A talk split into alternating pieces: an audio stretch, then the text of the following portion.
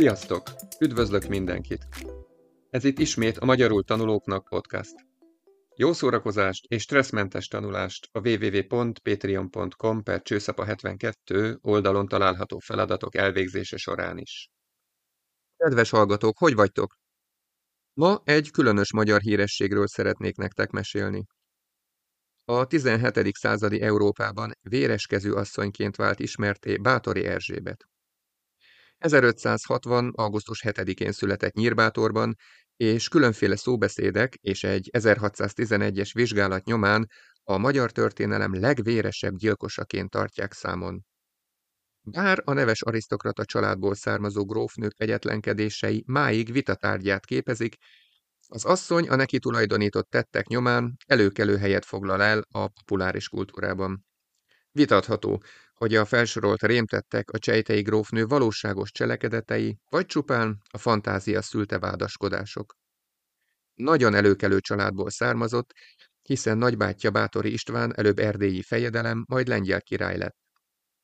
15 éves korában, 1575-ben férjhez adták Nádasdi Ferenc grófhoz, akit bátorsága és kegyetlensége miatt a végvári vitézek körében csak fekete bégnek hívtak.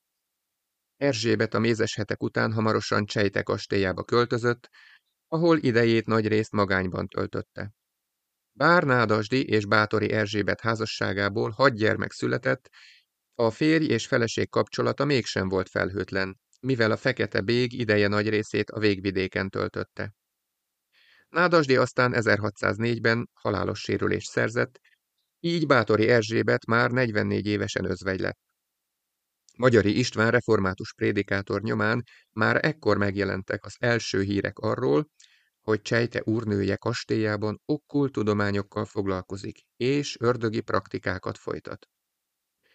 A rémtetteket, melyekkel Bátori Erzsébetet megvádolták, az elmúlt négy évszázad valóságos legendává formálta.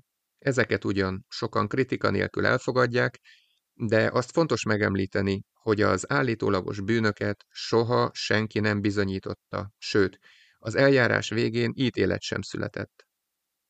Néhány példa a szaftos vádakra és mendemondákra.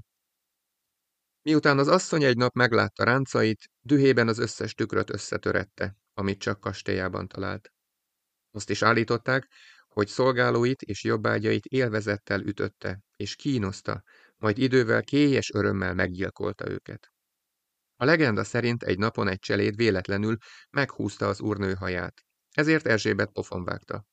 Az ütés nyomán a leány vére azonnal kiserkent, az asszony bőrére cseppent, és egyértelműen fiatalabbá és szebbé tette azt. Ebből azt a következtetést vonták le, hogy Bátori Erzsébet halomra gyilkolta a várban szolgáló fiatal lányokat, és egy vérükkel megtöltött kádban fürdött, vagy, ami még durvább, az említett szüzek vérét itta. A nyomozás később éppen a fenti történetek alapján indult meg. Vádlók az 1610 után kezdődő vizsgálatban körülbelül 650 áldozatot tulajdonítottak az asszonynak, akit gyakorlatilag mindenféle bizonyíték nélkül pusztán a szóbeszéd nyomán bűnösnek bélyegeztek. Az eljárást maga a király második Mátyás kezdeményezte, és Turzó György nádor folytatta le, aki 1610. decemberében Bátori Erzsébetet le is tartóztatta. A per motivációit azóta is sokan találgatják. Fő indíték vélhetően a hatalmas bátori vagyon megszerzése volt. De állítólag nagy szerepet játszott a Turzó család és a bátoriak személyes rossz viszonya is. A letartóztatás után a király helyettese és a királyi tábla vizsgálatot indított az asszonynak tulajdonított gyilkosságok ügyében, akit ezután haláláig egy befalazott szobában őriztek. Erzsébet négy feltételezett bűntársát a királyi bíróság kínvallatás segítségével beismerésre kényszerítette, és halára ítélte, így aztán a vád hamar készen állt. Második Mátyás ugyanakkor nem akarta megkockáztatni, hogy a Bátori Erzsébet ellen indított perrel magára haragítsa a magyar arisztokráciát. Ezért az asszonyt soha nem idézték bíróság elé, viszont haláláig a Csejtei kastély egyik befalazott szobájában tartották, ahogy azt már említettem is.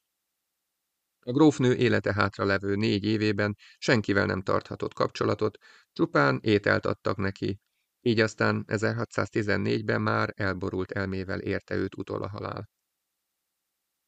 A 17. század második felében a rémtörténetek kedvelői tovább költötték a kísérteties históriát. Számos kutató alkotása nyomán Bátori Erzsébetből igazi szörnyeteget csináltak, aki a modern legenda szerint nem csak csejtén, hanem valamennyi birtokán vérfürdőt rendezett.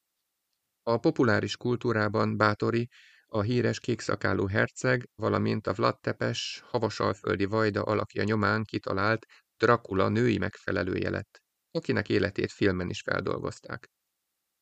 Bátori Erzsébet napjainkban nagy népszerűséget élvez a metalzenekarok és a számítógépes játékok alkotói körében is. A történészek úgy vélik, hogy miután a hatóság motivációja anyagi jellegű lehetett, a felsorolt rémtetteket csupán a fantázia szülte. Bizonyíték van arra, hogy Bátori Erzsébet odaadóan gondoskodott szolgálóiról, iskolát működtetett, és szegény sorsú nőket és özvegyeket látott el, de természetesen ezeket a jó tetteket is ki lehet forgatni úgy, hogy mögöttük megláthassuk a szadista gyilkost. Bátori grófnő minden valószínűség szerint egy szomorú sorsú, magányos vidéki özvegy volt, akiből befolyása és gazdagsága folytán minden idők egyik legkegyetlenebb gonosztevőjét kreálták. Mára ennyi volt, kedves hallgatók! Magyarul tanulóknak készített Patreon felületen megtalálod a szöveg átiratát, hozzátartozó feladatokat és megoldásokat is. Ezeket WordWall-ban készítettem el, és szerintem elég a legelső típusban megcsinálni mindegyiket. Az oldal felajánlja ugyanazt a feladatot, még vagy négy formában, de ezek tartalmilag mind ugyanazok lesznek. Ha kérdésed van, írd meg nyugodtan, és válaszolok. Ha teheted, kérlek támogasd a munkámat. Viszont hallásra! Sziasztok!